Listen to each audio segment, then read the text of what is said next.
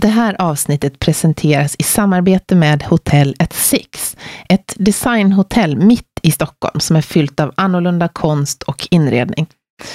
Efter veckans intervju får jag följa med till hotellets eget bageri och möta Head Pastry Chef Josefin Baumann som också vunnit priset som Årets konditor 2011. Hon tipsar om sina favoriter, bland annat saffrans croissanter fyllda med mandelkräm, som säljs på hotellet nu till jul faktiskt.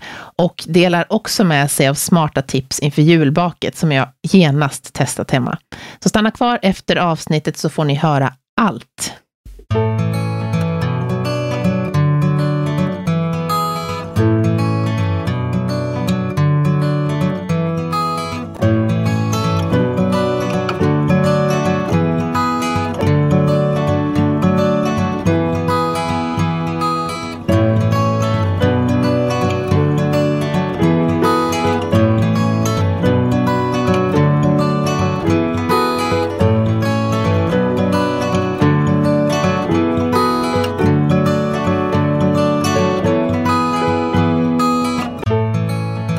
Idag vill jag börja med att tacka för de fina kommentarer jag fått och för de omdömen ni skrivit på iTunes. Tusen tack!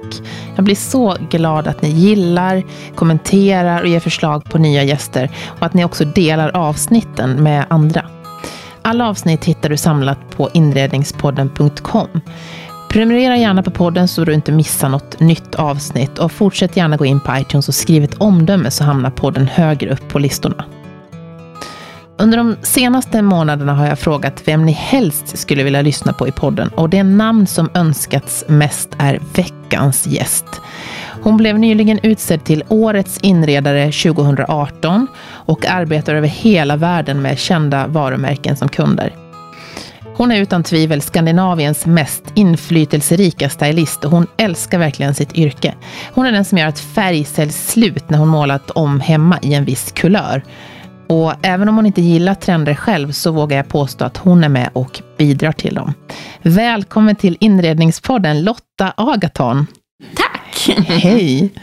Och grattis till titeln Årets inredare. Tack så mycket. Hur, hur känns det? Det är faktiskt jätteroligt eh, att få det priset. Jag tror att det är ännu roligare när man är fler på kontoret. Um, nej, men det, det var roligt, vi blev jätteglada för det. Och jag har ju varit med och startat Residens en gång i tiden, så då blir det extra roligt. Ja, var det 18 år sedan? Nej. Det låter som att du vet det. Jag ja, hade sagt 20, det? men det kanske är 18. Ja. Det var ja. väl 2000... Nej. 1999. Ja, det var ett tag sedan i alla fall. Ja, exakt. Det var ja. länge sedan nu. Det var länge sedan, ja. ja. ja och nu är du som ett stort, ni är ett stort team. Ja, det är vi faktiskt otroligt skönt. Oh, idag när, om någon frågar dig sådär, och vad jobbar du med? Vad, vad, säger du då? Då säger jag att jag jobbar med inredning. För att det är så brett. Och vi jobbar så brett. Vi gör så mycket olika saker. Um, frågar man vidare så får jag förklara. Men vi gör ju det mesta som har med inredning att göra. Dels så gör vi jättemycket, jobbar vi med kunder, med företag och hjälper dem att ta fram en identitet och hur de ska, ska visa upp sig visuellt. Både med fotograferingar och med mässor i deras showroom. Eh, så vi jobbar väldigt så konceptuellt med företag. Och sen så gör vi ju mycket nyproduktion där vi gör inredningskoncept. Där man väljer ja, hur all fast inredning ska se ut i lägenheterna. Så vi ritar kök och vi ritar badrum och väljer väggfärger och golv. Eh, och så jobbar vi lite med privatpersoner så mycket vi hinner om det är roliga projekt. Och så gör vi lite styling. Och så mycket tidningsjobb som vi hinner. Ja, det är ganska mycket på fem personer. ja, jag vet. ja, men jag brukar säga att vi har ungefär 30 projekt samtidigt. 30 ungefär. projekt? Ja. Oj, oj, oj. Fast just nu är det betydligt mer än så. Men det är ungefär så grund, ja, grundnivån som vi brukar ha. Ah, men eh, när jag har pratat med olika människor som jobbar med både alltså, företagskunder och privatkunder, så känns mm. det som att privatkunderna är det inte så många som vill ha. För det är så omständigt. Ja, um, precis. Det är ju omständigt. Men jag kan också tycka att det är väldigt roligt. Därför att det blir så personligt. Eh, men det beror ju på. Man vill ju inte, vi får ju väldigt mycket förfrågningar som är så här, åh, jag får inte till det här sista i vardagsrummet. Och det, det går ju liksom inte. Dels så är det ingen som har lust att betala för det egentligen. Eh, de vill bara ha en sån här quick fix, typ att man säger någonting på telefon och så bara löser sig allting. Och det är ju inte så tyvärr. Men när det är hela projekt, alltså så en helhetslösning, så här, vi har köpt en lägenhet, här, vi lägger hela säcken i ditt knä, då är det ju väldigt kul. Eh, och det är också roligt att tänka att någon ska leva där. Och så tänker vi oavsett vad vi gör, oavsett om man gör kontor eller en mässmonter, så är det ju upplevelsen och att folk ja, ska trivas och vara där. Hur svårt tycker du det är att, jag tänker när du, i din, din stil, mm. hur skulle du beskriva den egentligen? Eh, ja, men jag skulle nog beskriva mig som ganska så skandinavisk. Men eh, också ganska minimalistisk. men jag är också väldigt förtjust i internationell formgivning. Internationell form. Jag gillar ju de här italienska klassikerna. Jag gillar holländsk design. Så jag skulle nog säga att skandinavisk med influenser kanske. ja. Du blandar ju ganska mycket det man ser. Ja, men det gör jag. Och framförallt så är det ju så att allting är så synligt idag, allt man gör. Så det går ju inte att här, ha favoriter som man använder. Det går inte att upprepa sig. Så, så vi letar ju hela tiden nya produkter, nya företag, nya Alltså letar hela tiden nya produkter att arbeta med. Ja, hur tycker du klimatet är i Sverige? Finns det mycket i Sverige som ni kan använda? Det gör det, absolut. Men vi jobbar ju väldigt internationellt försöker hela tiden Ja, men det är klart att det alltid är roligast när det är svenskt. Men, men det är svårt att bara jobba med svenska producenter. Ja. Är det många som hör av sig och säger så åh, vi skulle vilja ha, eh, ha dig som, eh, som expert här för våra olika varumärken? Att du sätter din touch på vår soffa eller säng eller så? Ja, men möbelformgivning har jag inte gjort så mycket. Jag har någon, min min pappa är arkitekt och jag har sedan barnsben blivit inpräntad i att man ska hålla sig till så här, sin tårtbit, det man är bra på. Så här, jag är jätteduktig på inredning, min stil av inredning. Men är det inte min stil eller är det någonting annat, då är det någon annan som gör det bättre. Så då ska inte jag in och peta i det. Och där har möbelformgivning varit för mig. Att jag har haft sån respekt för det yrket. Men nu ritar vi ju mer och mer möbler till våra egna projekt. Alltså också till fotograferingar, dels för att det är svårt med rättigheter att få använda folks produkter. Så nu känns det som att jag ritar möbler i parti och minut. Men, så det, men inte som kommer i produktion, utan mer till projektet. När du gör så här massa olika, man ser ju dig på över hela världen idag. Och, men du är ju Skandinaviens mest kända inredningsstylist, måste vi konstatera. Mm. Mm. Men, men vad tycker du är roligast? Alltså jag tycker allt är så roligt. Jag, jag har jobbat ganska länge och jag tror att det är det som faktiskt har hållit mig igång så pass länge. Att jag, ja, men jag tycker alla projekt är så roliga. Det händer nästan inte att jag tycker att det är tråkigt att gå till jobbet en dag. Oj. Eh, så jag tror att, ja, det, alla, all, och, men det är väl också att det är så olika projekt som gör att det är så roligt. Att det um, man hinner ju aldrig tröttna på någonting. Har du någonting som känns, om någon frågar sig, men vad gör du en vanlig dag? Mm. ja, men det finns för två olika typer av, av liksom så vardag. Den ena vardagen är den som är idag. Då sitter jag på kontoret. Och då förbereder vi jättemycket. Alltså vi skissar upp, gör moodboards, gör offerter. Jag måste, gör du moodboards alltså fysiskt fortfarande? Nej, digitalt. Sen när kunderna kommer hit och ska få en presentation, då blir det ju fysiskt. Man måste få klämma på materialen. Men initialt så är det mer en känsla som man vill förmedla för projektet. Så då är det ju digitalt. Men sen, du ser ju, det ligger ju materialprover överallt här. Ja. så då blir det ju, när kunderna väl kommer hit, då lägger vi upp mer som en fysisk munvård. Mm. Och så, men sen, hur ser dagen ut sen? Ja, men då, vi har ju jättemycket möten. Vi försöker ha ja, men måndagsmöte typ två, tre gånger i veckan. Ja. när vi går igenom, vi har en lista som bara går igenom alla projekt, ser hur vi ligger till. Vi jobbar all, alla egentligen samtidigt i alla projekt. Jag sätter ju oftast initialt någon sorts stil eller liksom en känsla och skissar upp jobbet. Men sen, vi har ganska olika funktioner här. Så någon är bra på någonting, någon är bra på något annat. Så vi är inne i projekten ganska så mycket allihopa och det kräver att vi har ganska mycket avstämningar. Så på, när vi väljer på kontoret då har vi mycket möten och också är det mycket av det här skissandet. Men sen är ju den andra biten att faktiskt vara på plats. Antingen på fotografering eller att kolla till ett bygge. Eller att vara iväg och göra någon mässa. Ehm, så jag skulle väl säga ja, in, ja, men hälften hälften. Hälften tid på kontoret och hälften ute på plats. Men du jobbar ju, måste ju ha jättemånga resdagar. Jag har mycket resdagar, men jag försöker minimera dem in i det längsta. Okay. Eh, både för min egen skull, men även att försöka att inte flyga så mycket. Är det ett miljömedvetet Absolut. val du gör? Ja. Så jag försöker vägra att flyga till möten till exempel. För jag tycker att nästan alla möten kan man ha på annat sätt. Men gör man en mässmonter eller gör man en inredning eller har en fotografering i ett annat land, då är det ju svårt att inte ta sig dit. Ja, det blir väldigt lång Men, tid ibland ju. Ja. Mm. Men när du jobbar så här utomlands, allt från USA till Mm. he- hela Europa som du rör dig i. Hur, hur um, mottas den och hur beskriver du egentligen den skandinaviska stilen? Är det ett, ett begrepp ute i övriga Ja, världen? men det är det nog. Fast som skandinav eller svensk så har jag svårt att riktigt förstå vad de menar. För att jag tycker att alla stilar finns i alla länder. Det är så här personligt, så antingen, ja men vi är ganska rena i våra linjer och har eh, väl en ganska så lugn färgpalett i Skandinavien. Men också ganska likt det som man har i Japan till exempel. Eh, och jag tror snarare tycke och smak, alltså för vi har ju alla stilar i Sverige. Bara för att man är svensk så är det inte så att man bara gillar den stilen. Eh, så egentligen så det, det har ju blivit ett namn på en stil. Men det har ju inte att göra med var man kommer ifrån egentligen.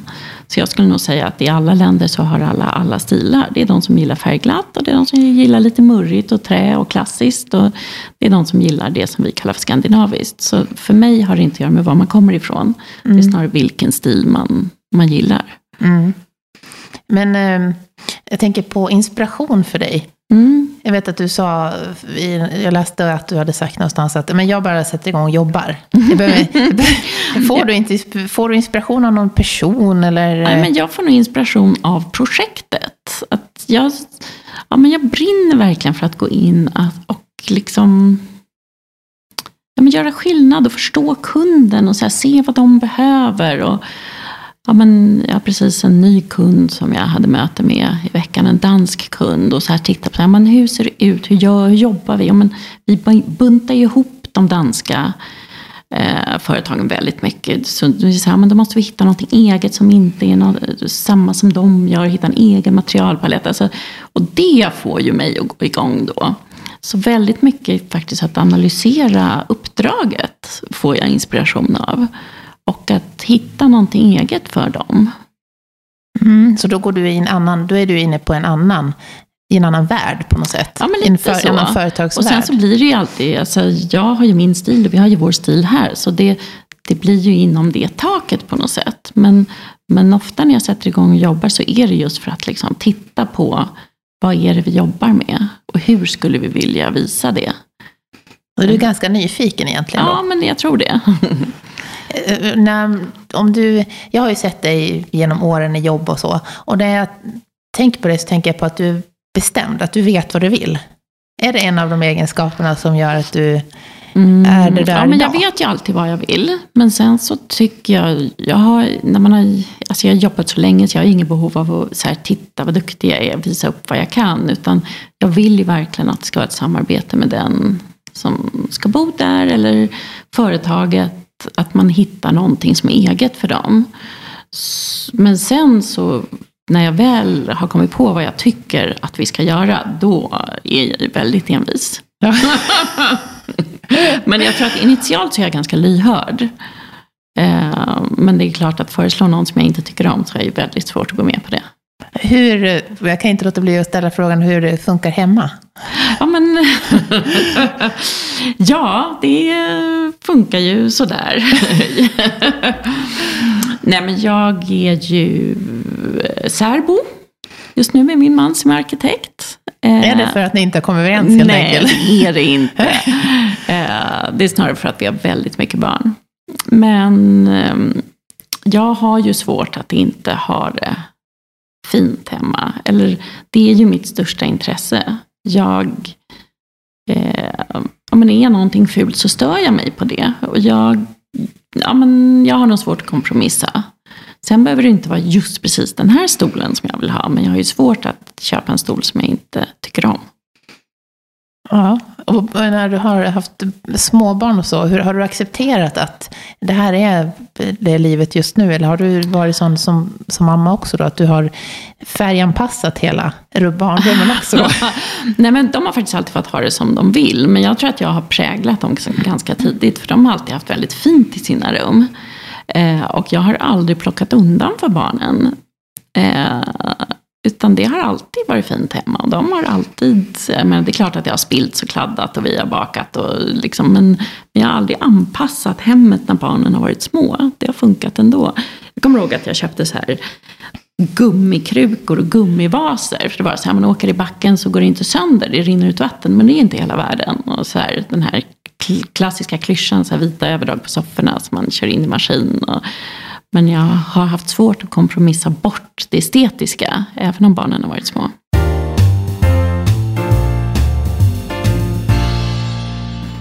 Är det någonting som finns på din bucketlist, alltså på, på din önskelista, att det här är kvar att göra?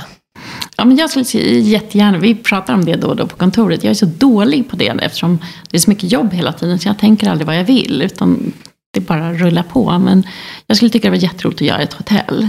Att vi har ett personligt hotell. Som jag, eftersom jag reser så mycket och bor så mycket på hotell. Så vet jag hur jag skulle vilja ha det.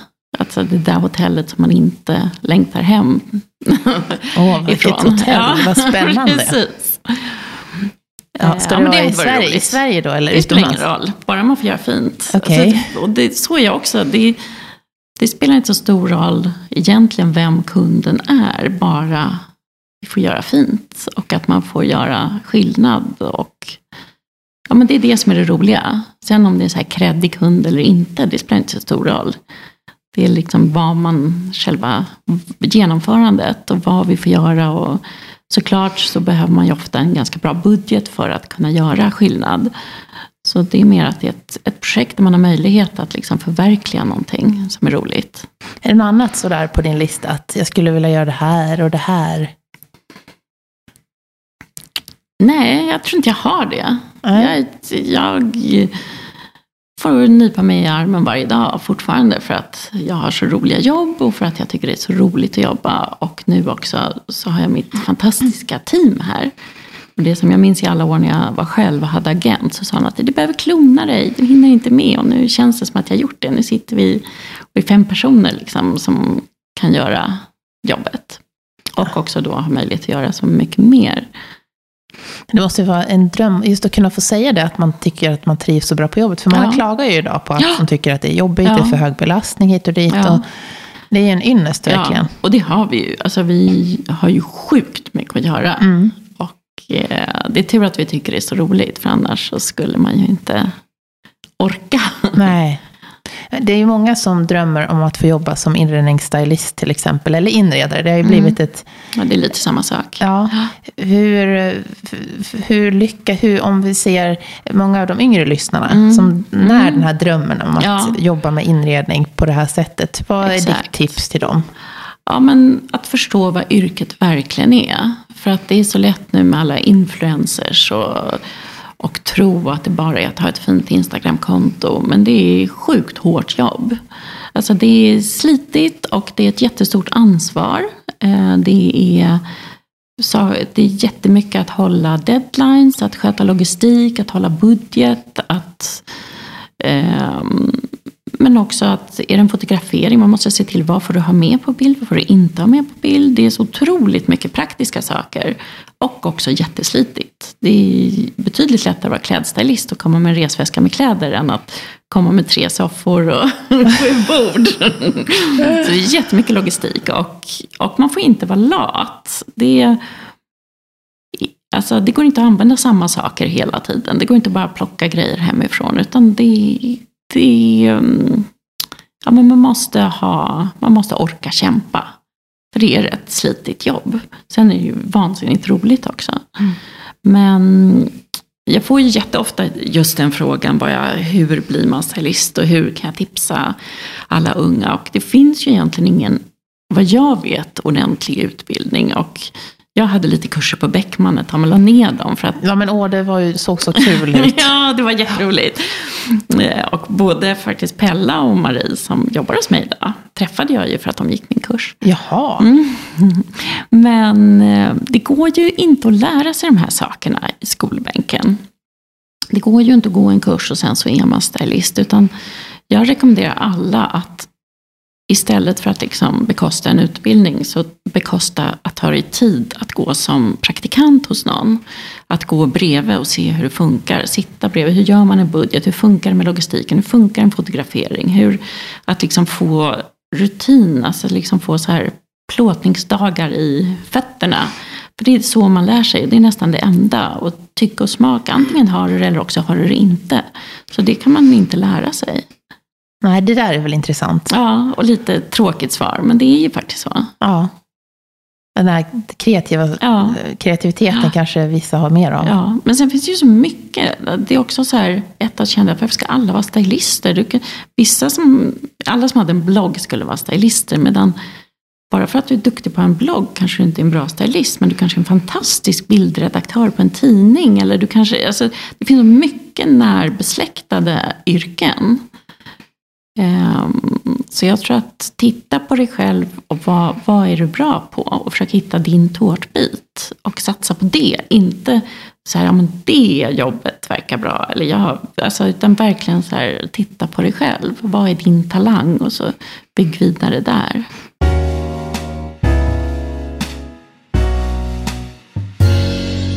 Jag brukar ju googla mina gäster. När, man, och när jag googlade på dig så kom det upp hem, nya lägenheten, allt var om ditt hem. Ja. Och då känner, hur, hur, hur, hur känns det?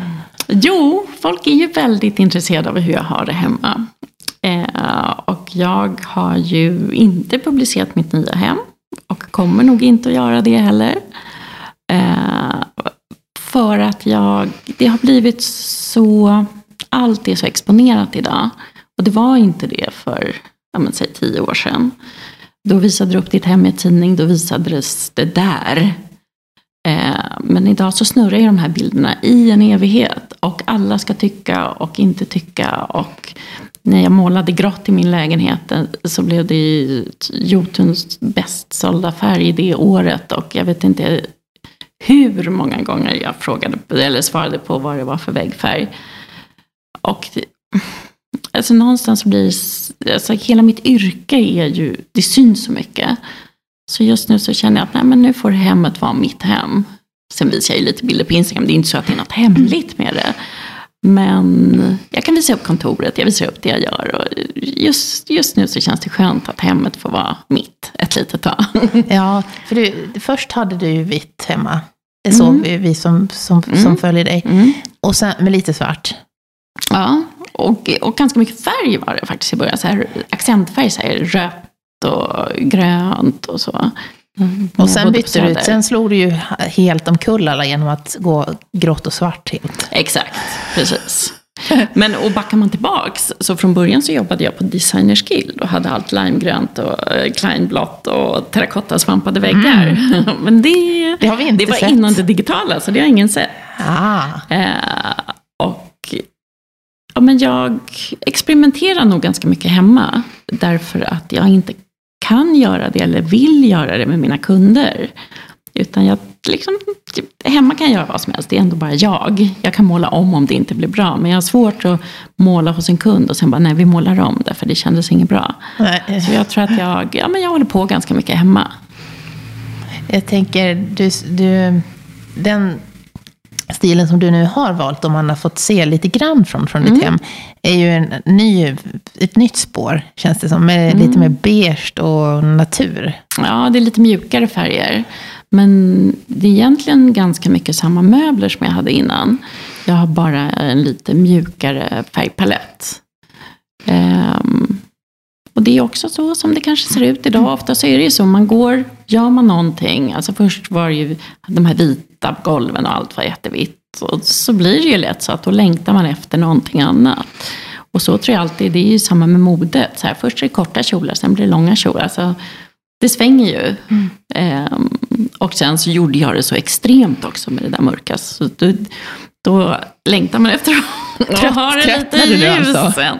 Nej men jag älskade det där mörka. Det var, jag tyckte det var jätte, jättehärligt. Men sen har det ju också att göra med vad man bor i för hus. Det var ett sekelskifteshus från 1850 och det passade där.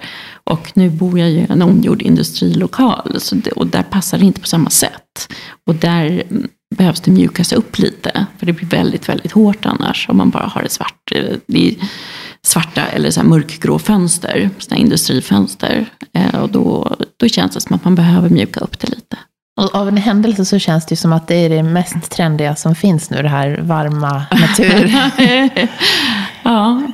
Är det lite så, jag vet att du inte tycker om att prata om trender så, mm. men känns det som att vi går åt det naturligare hållet? Ja, men det tror jag. Och, och mycket naturmaterial, mycket trä, mycket sten, mycket... Och det är ju också en miljöaspekt att vi jobbar med naturmaterial och då blir det ju de här lite varmare och mjukare färgerna.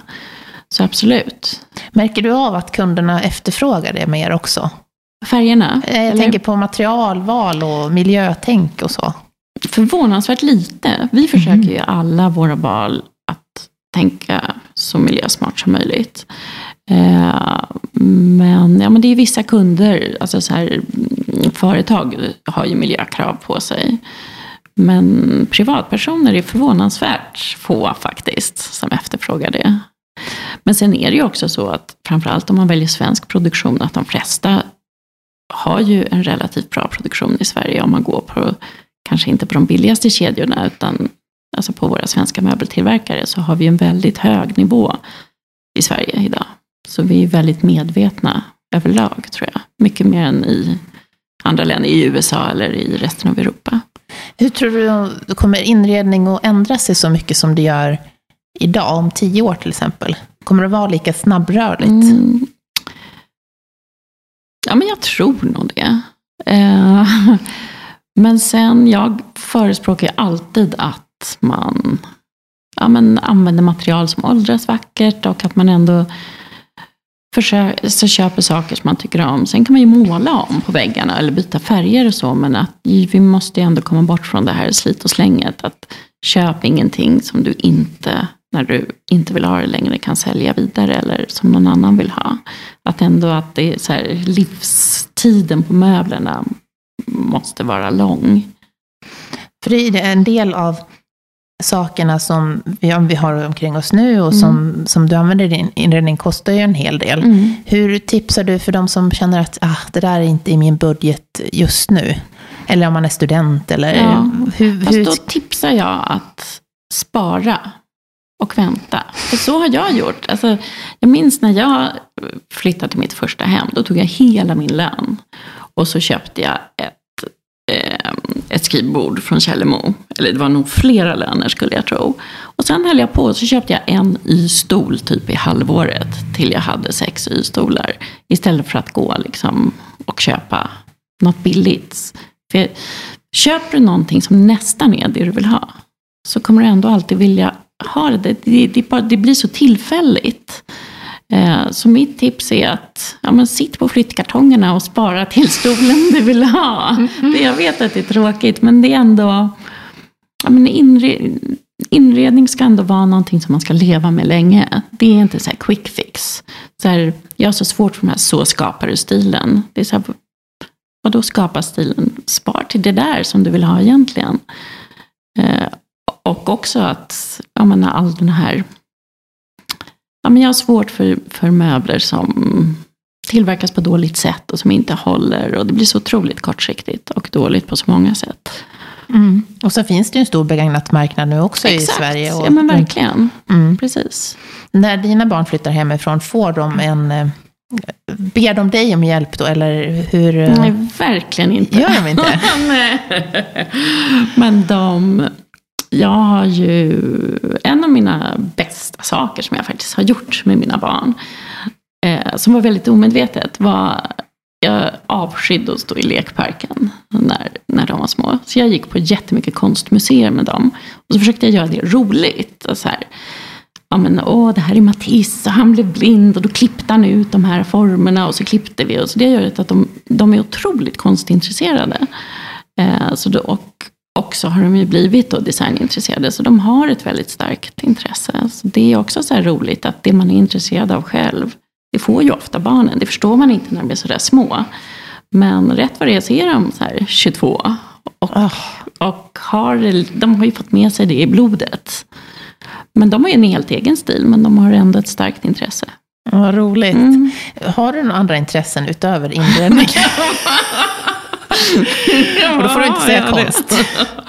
ja, ja, ja, men jag tycker om att resa, jag tycker om att åka skidor. Um, jag, är, jag är jätteintresserad av konst. Jag älskar att laga mat. Det skulle jag nog säga är lika stort intresse som inredning. Uh, mm. Det kanske är nästa kokbok. Kokbok, ja exakt. Ja, kanske det. Man vet aldrig. Du driver ju också ett stort Instagramkonto med nästan mm. 100 000 följare. Mm. Vilken är den vanligaste frågan du får där? Vad är det för väggfärg? Nej. och det är också en så dum fråga eftersom jag redigerar ju alla mina bilder. På något sätt. Eller så drar ut mättnaden eller ökar ljusstyrkan eller så. Så den färgen man ser på bilden den stämmer ju ofta inte med vad det är för väggfärg. Så, um, så det, är ingen idé, det, är ingen idé att ta, det är ingen idé att ta med sig mobilbilden Nej, men det är upp. ju inte det. Precis. Och dessutom är det, ju, det har ju att göra med, vad har du norrljus eller har du söderläge?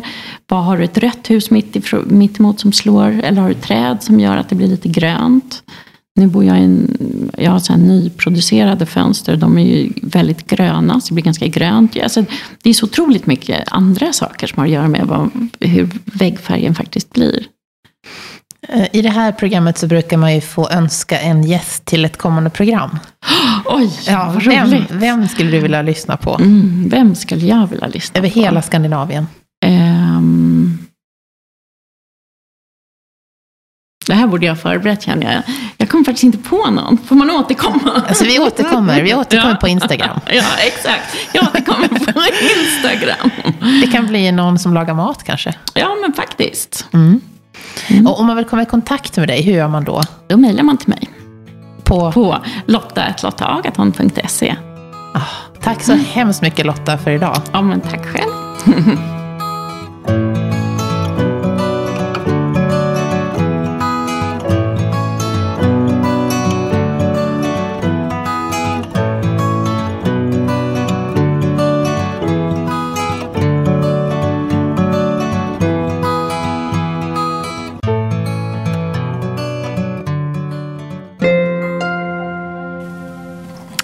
Josefin. Hej, välkommen hit.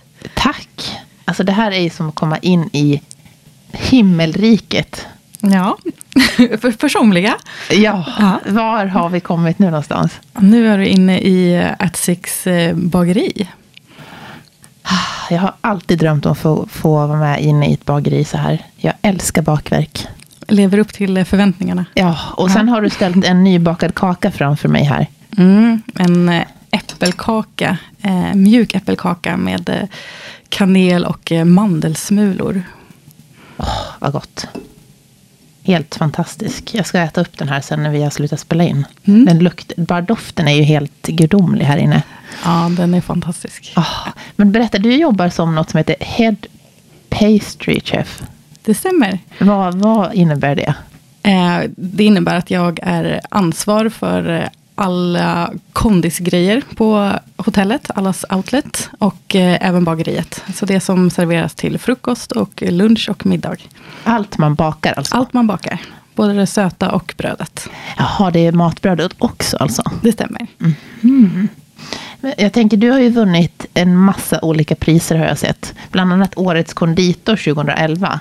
Ja. Hur, hur kommer du på allt, alla smaker och idéer? Man måste ju säga att Instagram har ju verkligen hjälpt nu. Eh, att det är en stor inspirationskälla bara att kunna titta på bilder. När man kan se olika färger och olika smakkombinationer. Eh, där det hjälper väldigt mycket i vardagliga arbetet, att, när man tänker. Och där finns ju du också, du har ju en ganska stor Instagram ett stort Instagramkonto. Ja, lagom, lagom stort. Ja, så om man vill följa dig heter du Sweet... Sweet Josefin. Ja, mm. där kan man ju verkligen sukta över alla tårtor tycker jag. Mm, vad härligt. Vad är det roligaste med ditt jobb egentligen?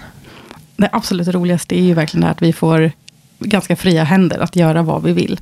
Eh, och att man byter saker hela tiden. Det är ingen dag i den andra lik. Utan just när man jobbar på ett hotell så här så är det ju, ja men, kan ni fixa en tårta? Kan vi göra en, eh, en liten pralin? Kan vi göra en middag för 500 personer? Så att ingen dag i den andra lik. Är det en del gäster som ringer och säger, kan jag få beställa en tårta? Eller? Ja, eh, lite så är det. Vi har ju ett eh, tårtsortiment som vi brukar ändra efter säsong. Eh, så att eh, oftast beställer de då genom receptionen eller någonting. Och då har vi tre olika tårtor som de kan få välja mellan. Oh. Jag tänker, du jobbar ju på ett designhotell så här. Som är mm, väldigt med fokus på konst och inredning. Mm. Om du, har du ändå fria tyglar att dekorera helt fritt? Eller är det så att nej, men så här sockerfigurer, det är ingenting som du, du använder dig av? Jag har inte fått någon tillsägelse än så länge i alla fall. Nej, det är inte så mycket sånt. Nej, alltså. nej men det är, jag tror att de, eh, de litar på min smak. Eh, så att jag får fria händer där också. Ja. Och sen när man, eh, när man har smakat den här tårtan nu och brödet som du också har bakat här. Så blir man ju sådär, jag vill, det här vill jag köpa med mig hem. Ja, men det kan man ju göra numera. Eh, vi öppnade sen i augusti eh, nere i vår vinbar även frukostförsäljning. Eh, där man kan komma in som ja, men gemene man från torget eh, och äta frukost. Men även köpa med sig bröd och bullar. Eh, vilket är jättehärligt. Ja, det är ju riktigt bra. För det här området har ganska stor brist på bra bagerier just här där vi sitter tycker jag. Ja. Det här är ju en riktig pärla. Verkligen. Eh, och det är mycket kontor här runt omkring. Så det är ju, att smita in och köpa med sig en eh, surdegslimpa hem är ju jättehärligt. Ja. Det är ju adventstider nu. Vad, vad, hur kommer ni att förbereda er inför julen?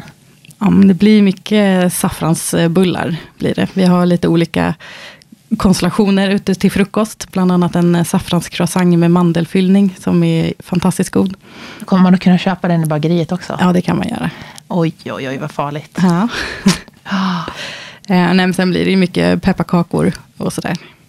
Eh, men när man har internationella gäster, tycker de att saffransbröd är konstigt? Eller tycker de att det är jättegott? Hur, finns det något sådär generellt? Jag tror ju att de förknippar ju inte riktigt saffran till jul, som vi gör här i Sverige. Eh, så de kanske tycker att vi är jättekonstiga, som helt plötsligt slänger upp massa gula bullar.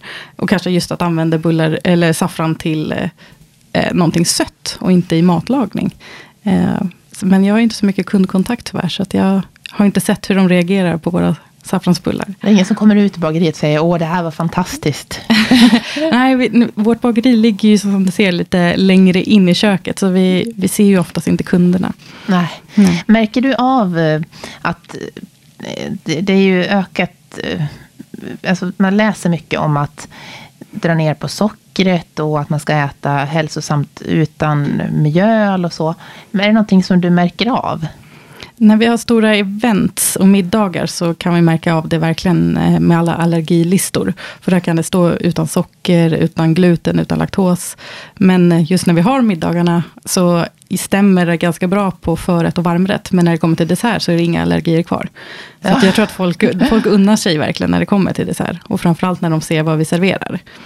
Så ja, personligen tycker jag att även om man inte vill äta socker, då ska man passa på att äta när man får någonting som verkligen är lagat från grunden och någonting som verkligen är fint och bra. Mm. Gör ni även sockerfria bakverk och bröd? Eh, sockerfria bröd, absolut. Det är sällan socker i bröd. Eh, men i bakverk är det väldigt svårt. Ja. Eh, lite. Vi har några råbollar till exempel, som är utan socker. Alltså, då förlitar man sig bara på fruktsockret från fikon och dadlar. Eh, men annars så föredrar jag att, alltid att ha lite socker i. Man kan inte ersätta det med honung och sånt? Ja, man kan ju ersätta det med honung, men där kommer ju problemet med eh, veganer då till exempel. Att veganer äter oftast inte honung.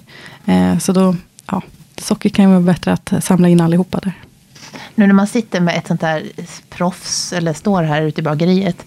Vad, den här tiden är ju jättestressig för många som lyssnar också.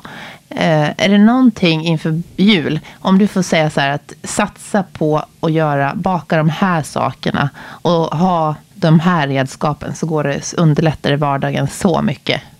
Ja, om man vill göra ett julgodisbord till exempel. Eh, tycker jag definitivt att man ska ha saffransbullar. Eh, och där tror jag att många tänker att man måste alltid baka dem samma dag. Vilket man inte behöver. Du kan ju sätta degen ena dagen och sen så kan man kalljäsa i kylen. Eh, sen kan du även rulla ut bullarna och så kan du frysa in dem innan de är avbakta. Vilket gör ju att du kan ha färskbakta bullar sen på julafton. Så du slipper stå och baka ut dem på julafton. Så man ställer alltså in plåtarna i i frysen? Ja. Eh, och så tar man ut dem och låter dem tina och eh, så pensla och in i ugnen. Åh, vilket bra tips. Ja. Och det kan man ha, då kan man ju ha nybakta bullar varje dag. Verkligen. Istället för att använda sig av mikro där och gör att de blir eh, sega efter tio minuter. Så ja, det, det måste man tänka på. Gör lite plats åt bullarna i frysen. Ja, jättebra. Är det något annat sådär att de här, det här tycker jag också man ska satsa på? Personligen brukar jag ofta göra alltså, smaksätta marsipan. Eh, för marsipan är ju någonting som alla gillar. Men, eller nu ska jag inte säga alla gillar. Men jag älskar marsipan. Men det är också ganska tråkigt att man bara har den rena marsipansmaken. Så att om man går ner med till exempel apelsinzest så kan du få en apelsinmarsipan. Du kan gå ner med krossade polkagrisar så får du en eh, mintmarsipan. Mm. Med lite crunchy. Eh, du kan gå ner med pepparkakskryddor. Det går att göra hur många olika sorter man vill. Gör du egen marsipan då såklart? Eh, jag brukar inte göra det faktiskt. Nej, det är skönt. Nej. Jag tänkte det låter så jättejobbigt och man måste göra egen marsipan också. Ja, men det finns ju så bra att köpa idag. Så då tycker jag faktiskt att man, man kan unna sig den tiden att ta färdigköpt. Så saffransbröd, marsipan och det sista? En sista. Alltså, nu kanske det här låter lite tråkigt, men jag brukar eh, göra äppelchips. Eh, och då egentligen bara skiva äpplen väldigt fint. Eh, kan ha lite kanel på dem. Och sen så in i ugnen på 90 grader ungefär en timme. Jaha. Då får man någonting som är väldigt knaprigt. Det är som chips. Eh, men det är väldigt också syrligt. Det passar väldigt bra efter all tung julmat. Åh, det ska jag också testa. Mm. Vilket bra tips. Eh, är det något redskap som du tycker att det här redskapet klarar jag mig inte utan? Slickepott. Aha. Ja, det är absoluta favoriten. Ja, och ska det vara något speciell då? Ja, en som är, har liksom bra böj i sig. Det får inte vara en för hård slickepåse, för då går, det inte att använda den på det sättet man vill använda den. Eh, utan verkligen skrapa ur allting ur bunken. Du kan blanda med den. Eh, ja. Ah, jag måste verkligen hem och nu fick jag sån inspiration här. Men jag måste fråga dig en annan sak. Vågar folk bjuda dig på bakverk? Det är faktiskt en bra fråga. För att det är ofta man kommer eh, hem till folk och säger, ah, men jag gjorde ingen dessert, för du äter ju ändå så mycket. Men jag har ju valt mitt yrke för att jag verkligen älskar desserter. Så att en vaniljglass från en vanlig matbutik går jättebra för mig. Eh, så det är lite tråkigt. Ja, det förstår jag. Men när du bjuder på middag, då, gör du väldigt mycket desserter hemma då? Ja, alltså mycket dessert är väl att ta i. Eh, en av mina favoritdesserter är kladdkaka. Eh, så det är inget avancerat man gör hemma, men någonting ska det vara.